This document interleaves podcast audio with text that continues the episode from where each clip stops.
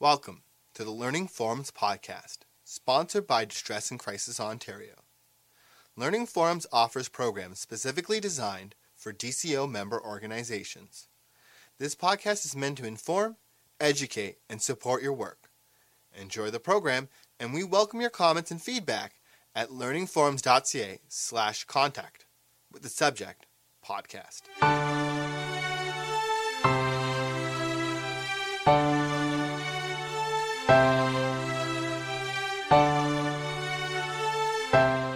Hello, and thank you for coming to my presentation today.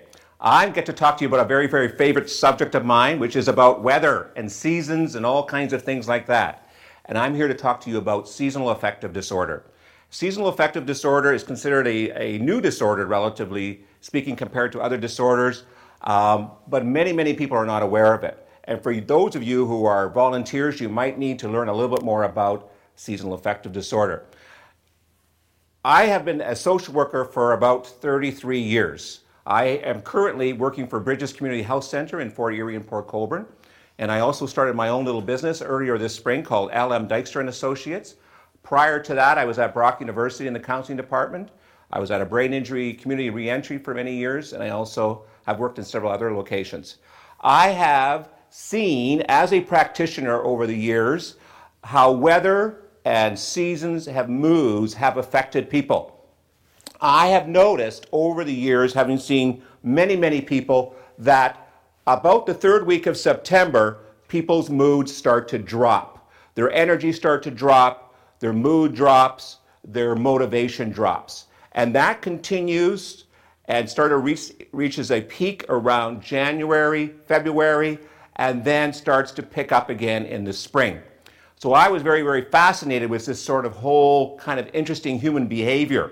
And so I started to do a lot of research about 20, 25 years ago about how weather impacted us. I grew up in Western Canada where we had a lot more bright sunshine than we did here in southwestern Ontario. And often I call it five months of gray. That's what we call winter here. So I started to do research and I started to realize through my research is that uh, we have really kind of forgotten how we have acclimatized to weather. And if you look at a quote by Hippocrates, 400 years before Christ, he said, You need to, in order to understand the science of medicine and human behavior, you need to look at the impact of seasons on human beings. And that's what's happened. So it's about the, since the Industrial Revolution, about 500, 600 years ago that we started to escape from being really cold and from darkness and from uh, uh, all the effects of extreme weather, of very hot and very cold, as we started to be able to protect ourselves more. And here we are in a very modern world. We can go 24 hours a day with artificial light. We can put on our uh, air conditioning, we can put on our furnace tonight at this time of year, right now in November. So what happened was only in about the early 1980s, late 1970s, did scientists actually start to understand how weather and light uh, started to impact human behavior. Those of you who are volunteers, you are going to realize, talking to a lot, a lot of people, that uh, this time of year is going to be a difficult time of year, and especially as we're moving towards Christmas, uh, because their mood is going to start to impact. And about the early 80s, they started to do studies in most northern countries. Toronto and Calgary was where they did a lot of studies, like Sweden and Norway, other northern European countries, about the impact. And they started to recognize that there is a very distinct form of depression, and that is called seasonal affective depression or seasonal affective disorder. And it was not until about 1987 that they actually called it a disorder. So, one of the things I'm hoping that you're going to learn today is going to be able to help people. I'm going to talk to you about some of the symptoms and some of the things that you can do about it, and so some things you can recommend as volunteers. So, what are some of the symptoms? Uh, there's an abnormal mood episode that happens on a regular basis. The ma- main feature is the mood starts to drop in the fall. So, right around the uh, 21st of September, sometimes a little bit later, depending on the sunny or cloudy conditions. And then it starts to pick up in the spring. So often I call them my summer people. You know, they're down all year round. They come in and counseling in the, in the summer months, and they seem like almost very different people. They dress different, they act different, and there's a very much related to mood. Common symptoms are depression. For many people, at the beginning of the, the low period, there's a sense of dark days ahead. So they always will use that language. I have nothing to look forward to. There's a sense of sadness. There's a sense of apathy or hopelessness that they talk about. And you may again hear that when you're talking to people and, and working with them. For many others, there may be poor concentration and focus. I can't stick with anything. And for often, again, when I worked in a university setting, I found many, many students were affected by seasonal affective disorder. We found many students couldn't concentrate or focus. We actually found students who lived in basements, our nickname was for them cellar dwellers, because often they were really not getting enough light and they were really light deprived. There may be, again, withdrawal from others. So people start to socially isolate, which we do almost naturally when it tends to be colder. We don't go out as much. We may stay indoors when there's weather uh, that's a little nasty or a little treacherous. There may also be some crying spells. People will often say, I don't know what I'm crying about. And again, you may hear that again when it comes to near Christmas time. Many people will say, I just don't look forward to it. I'm just not anticipating it because they start to feel flat. It may have, be, have to do with personal or family situations and may also have a lot to do with the, the weather and the climate. There may be inability to experience happiness or enjoyment. So, what I call feeling flat. They just feel flat.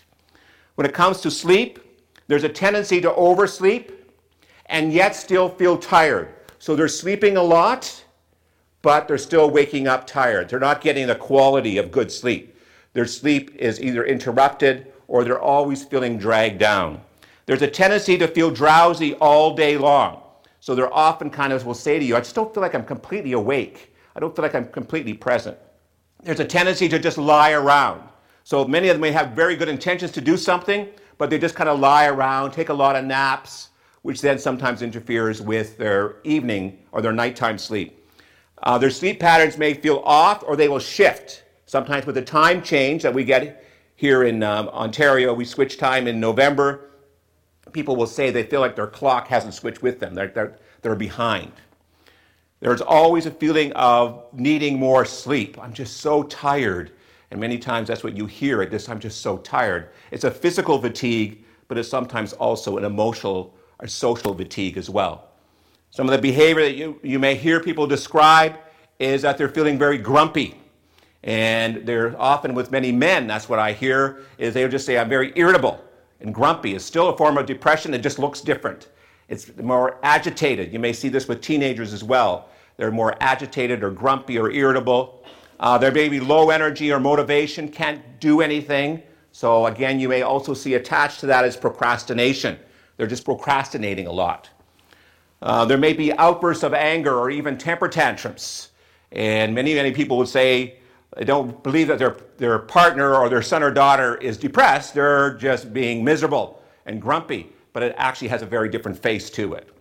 They may be sad, they may be negative. When it comes to eating habits, you start to see, and many of us may already be experiencing this ourselves, is where we start to have a craving for more carbs. We want those stews, we want those pastas, we want lots of food that we can just sort of like almost as human instinct to put more weight on us to protect us. We may have more craving for junk food and comfort food. For many people, eating habits become huge when it comes to winter months. So you see the winter increase in weight, and the spring it drops down again. So again, there's a cycle to it. So a weight gain in winter, weight loss in the spring. When it comes to health, many, many people, again, as a counselor, I have seen, and perhaps many of you may have experienced this as well, they have more of an achiness I just feel achy, kind of fluish, cold. So they actually may even sometimes have that. They may have more colds and flus. They may have a hard time getting rid of them. so they're always going moving from one to another because their immune system is down, their energy is down, their sleep. Sleep is there to provide us immunity. It helps us heal if you're not sleeping properly. So a lot of times you'll get these vague complaints of backaches or headaches, and it just seems to be a persistent pattern of unhappiness. I call it the blahs. And seasonal affective disorder is more just the occasional blah day or two, or a blue day, we may call it. It is when it persists for days and days, and then weeks and weeks, and actually an entire maybe six months. You may see for many women an increase in their PMS symptoms, so a stronger hormonal component as well. They may feel like it's, it's really tiring them out or dragging them out. And then for many, during the winter months, there may be a real disinterest or low interest in sex. They just are not interested. Leave me alone, don't touch me, kind of stuff. So often that's another thing that's associated with uh, seasonal affective disorder is just a low interest in sex. How does seasonal affective disorder differ from a typical form of depression?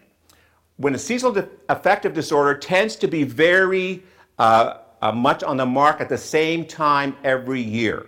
So it tends to be happening starting in the fall and then stays down till about the spring, where a, another kind of depression may be uh, is not dependent on the time of the year. It can happen in May, it can happen in July, it could be all kinds of things. It may be more ongoing. So it tends to be much more targeted according to the amount of light or darkness that we receive.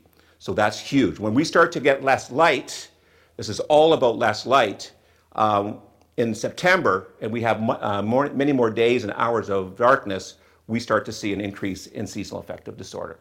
And then when that changes again in the spring, it, it almost dissipates. For some people, you need to know, is that sometimes they already are depressed, they may already have stuff going on with them, and then in the fall, it gets worse. So a lot of times I have to say to people, you need your, your summer plan to take care of yourself, and you need your winter plan, and maybe different. So, what to do about it? Uh, what kind of treatment, or what I often call a recipe of your well being? First of all, I say to people talk to your doctor. Really important to rule out medical concerns. So you need to be saying, you need to um, educate yourself. You need to be saying, okay, what do I need to do here? So talk to your doctor about some of these symptoms. Uh, knowledge is power, I very much believe. So I often recommend people to read a book. The one I'm recommending here is Winter Blues Everything You Need to Know uh, to Beat Seasonal Affective Disorder, 2013, Norman Rosenthal. He wrote a book about 25 years ago that was also got me started in, in this whole topic. So he's still around. So Dr. Norman Rosenthal. So knowledge is power. Talking to the people who you were talking to, give them uh, some resource. This is a new generation. People can look up stuff, they can Google stuff. So I say knowledge is power. So always about educating. And then help people to prepare ahead. For many of my uh, clients that I have supported and people that I have supported, when it comes to the winter months, and we know there's a history, we always try to be very proactive uh, rather than having people uh, be reactive. A big one is exercise and physical activity. So, being very active it doesn't mean you have to do marathons, but often in the winter months, trying to stay active, uh, trying to get out there and exercise and do uh, some physical activity, whether indoor or outdoor, is really a good antidote. One of many that you should do because it really can boost your immune system and keep your adrenaline going increased light and sunlight. Seasonal affective disorder is all about that we are not getting enough light into our brain. That's what it, that's basically the summary. When we start to get less light, our hypothalamus produces less serotonin, and the pineal gland produces melatonin. Makes sense? If we started to turn the lights off in this room, most of us, our hypothalamus would start producing less serotonin. We'd all probably fall asleep after a while. So that's just what happens naturally here in these northern climates. So often I say to many people, try to increase the light and the sunlight in their life if you can, whatever that might be. A day like and today in Niagara here, we have a very sunny day. Try to go outside. When other days we have a very cloudy, overcast day. The other thing that I suggest is light therapy. I actually have one myself. This is the one that I use. I've been using it for on and off for about 20 years. It's called light therapy. You can get them at most drugstores. You can go online. I, for example, will spend maybe 20 minutes looking at this light in the morning. My neighbors think I have a grow operation going on in my house, uh, but it really is a very effective way. So it's about three feet away from it, a little off. Everybody has to find their own way. But light therapy, for many, many people, it has saved their lives, literally. It has saved their moods and many times even their marriages, maybe even their kids. So I often recommend to people do your research, learn what, especially about light therapy. The other thing turning on the lights. Many of us are energy conservationists now, and that's great and wonderful, but our brain needs lights. Many, many people don't have enough light on during the day, or what we did in the last 25, 30 years, we put people in windowless offices, in windowless buildings. I've worked in some of those myself, and you don't even have a clue what's going on outside you. Even in schools, many schools are kind of closed down. They took away the big windows and they put up, blocked them all up, and closed the drapes. And many times we actually believe children's attention would increase if they had more sunlight and more physical activity and more daylight. So a lot of times I see the people open the drapes up, turn on the lights, um, put in bigger bulbs. Uh, a bulb is probably not enough, but often you need a lot more light than that, but it's worth a try. For some people, they need to dress warmer. For some people during the winter months, you just need to put more clothes on. And I often found, certainly in southwestern Ontario, people dress more for fashion than for warmth. So often I say to people, put more clothes on. You've got to layer up. If you're going to do more physical activity outside, if you've got a hat on, you've got scars, you've got mitts, you kind of protect yourself from the wind. But if you're going to dress fashionably, you can do both. Plants or flowers, for many, many people, getting a lot of plants in their house or flowers in their room or their office helps. Uh, many people now actually sometimes turn on the golf channel. And I recommend that turn on the golf channel and watch golf, and you may actually get a bit of summer, or turn on the beach scene. At this time of year, around Christmas, people have the fireplace scene. Well, maybe once that's done, you need to put on a beach scene or something like this, sort of actually to make yourself feel uh, uh, happier. Because many of us, how many have ever been depressed at a beach? It doesn't usually happen, where you actually feel very invigorated. So a lot of times, that's a, it's a simulation. Medication, for many people, I say to them, they should think about their summer medication, what they normally take in the summer, and perhaps it needs an increase in the winter. So a lot of times people are doing exactly the same. I'm not a pharmacist. I don't claim to be a pharmacist, but often I say to them, talk to your doctor or talk to your pharmacist maybe about maybe decreasing in the summer, increasing in the winter. I always get very concerned when people start to make big changes in around third week of September. They're saying, I'm going off all my meds. And I'm going, wow, you better have another plan in place to make sure you're getting that serotonin boost that your brain's been very used to. Often painting um, walls a nice uh, sunny color or a nice light color can actually make you feel uh, warmer and uh, lift your spirits. Uh, good social support, having a lot of support in the winter months, trying not to isolate. Uh, many people want to almost naturally do that, almost like a natural uh, tendency to hibernate. and so often we have to have a very specific plan. Helping people is to not isolate, but to actually do the exact opposite, to plan for that. good counseling, Sometimes people may, during the winter months, they just need to talk about some stuff and work through some stuff, uh, maybe all year round, uh, some good counseling. Some winter vacation, sometimes taking, many of you maybe already are already as uh, volunteers or maybe clients, they take winter vacations. It's just what they do to get you through the winter. Um, so they just go somewhere south. And if you can't do that, try to get outside. Try to be a, a, as active as you can. Stress management, and again, stress and depression and anxiety are often very, very interrelated. So often what we try to do then is to get people to uh, really find a good stress management plan about what they're eating, uh, what they're watching on TV, looking at laughter, uh, looking at uh, uh, their sleep, looking at all kinds of ways to help them manage their stress. How much time is required for a person to utilize the light in a day? they recommend, and they're talking about most doctors and books, recommend 10 to 20 minutes in the morning. That's it. You don't want to do that in the evening because it's going to make you very, very high. So you tend, people often sometimes start this and they have to follow the instructions. So it's 10 to 20 minutes in the morning. And some people don't even always do it every day. Yeah. Yes? At what point do you think that you'd feel that you need to start looking into one of these light devices? When some of the symptoms that I went over that they, when they persist and you start to see the, the pattern, uh, then I would say just to people that they look at this one of these as an option. I myself, uh, again, growing up out west, where we had bright sunshine and bright snow during the day, so it felt really bright. Uh, when I moved to southwestern Ontario, I decided about 20 years ago, before they were even popular, you can now get lights that are actually like almost like baseball caps that are right above like the visor. You can get pocket ones, you can get traveling ones, I know grandmothers get these things now and teenagers, so they're very popular. Mine's kind of prehistoric, it's huge, right? Uh, but generally, the lights, um, uh, they're become very much more mainstream. But if, I, if you're even asking the question of whether you should think about it, probably then you should be investigating it certainly more. Yeah. But work with your doctor, because especially if you're on pills. Yes. How much is the light, and um, is it covered by insurance? Unfortunately, they're not covered. But that's a great idea, though. We should advocate for that.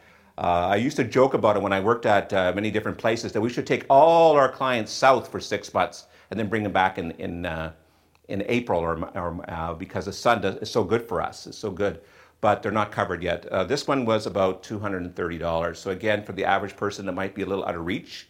Uh, but I say to many people, it's well worth it. You had a question. How do you use the light? Do you stare into it or can you sit by it and uh, read? You know, it's interesting that that's a good question. My, it was my eye doctor that actually got me very interested in this particular light about, again, about 20 years ago. And he said, oh, he goes to the light, I call it go to the light, and reads his newspaper. And I was kind of, what that's so non-intrusive, right? So that's kind of what I do is start have my coffee in the morning. And uh, I haven't used it yet this year. Probably around Christmas I'll start to use it. And um, I'll just have my coffee and I, it varies. You don't want to sit too close. You don't want to be blinded by it, especially for people who have very sensitive eyes.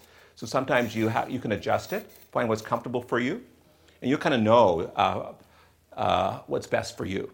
But they generally recommend not more than three feet. Yeah. Any other questions? Yeah, the bulbs that are used in, in uh, that lamp, are they equivalent to the bulbs that are used in tanning beds? No, they're different. They're very different kind of because the tanning, they're there to actually tan. This will not make you tan.